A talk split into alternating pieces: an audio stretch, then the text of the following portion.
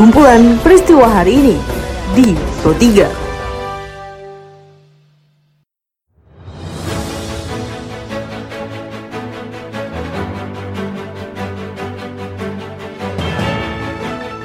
pendengar, saat ini Anda sedang mendengarkan kumpulan peristiwa Pro 3.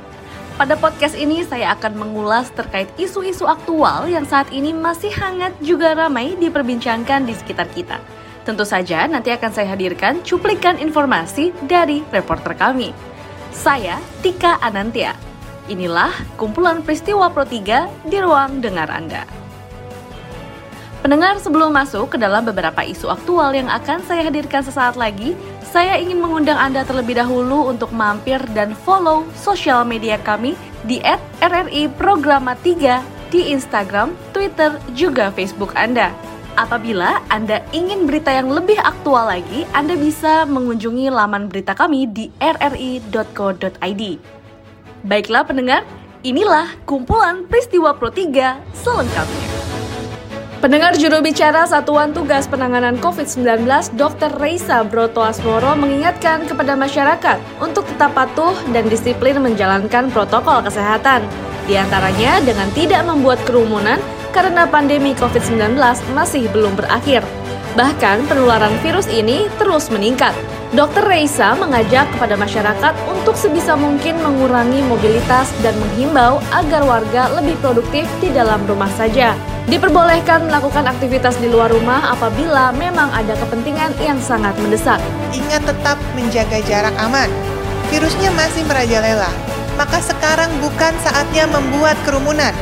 Apalagi melakukan kontak fisik atau dekat saat penularan COVID-19 masih di puncak. Tidak sepadan nyawa dan kesehatan kita dan orang lain jika hanya untuk beramai-ramai berkerumun, apalagi hanya dengan alasan kebosanan. Mari kurangi mobilitas, pilih produktif dari rumah, dan pastikan hanya agenda penting dan mendesak yang membuat kita keluar rumah. Apalagi untuk menemui orang banyak. Semakin sedikit orang di ruang publik yang rawan akan beredarnya virus, maka semakin sulit si virus ini untuk mencari korban baru untuk diinfeksi. Ingat kembali M yang ketiga, selalu rajin mencuci tangan dengan sabun dan air mengalir selama minimal 20 detik. Hal ini dapat membunuh virus, bakteri, dan kuman lainnya.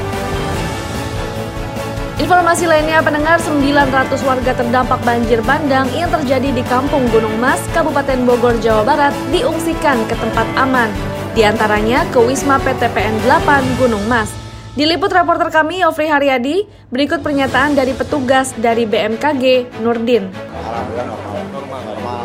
Karena titik yang dirawati sama arusnya tidak melalui titik masyarakat. Yang di belakang paling belakang.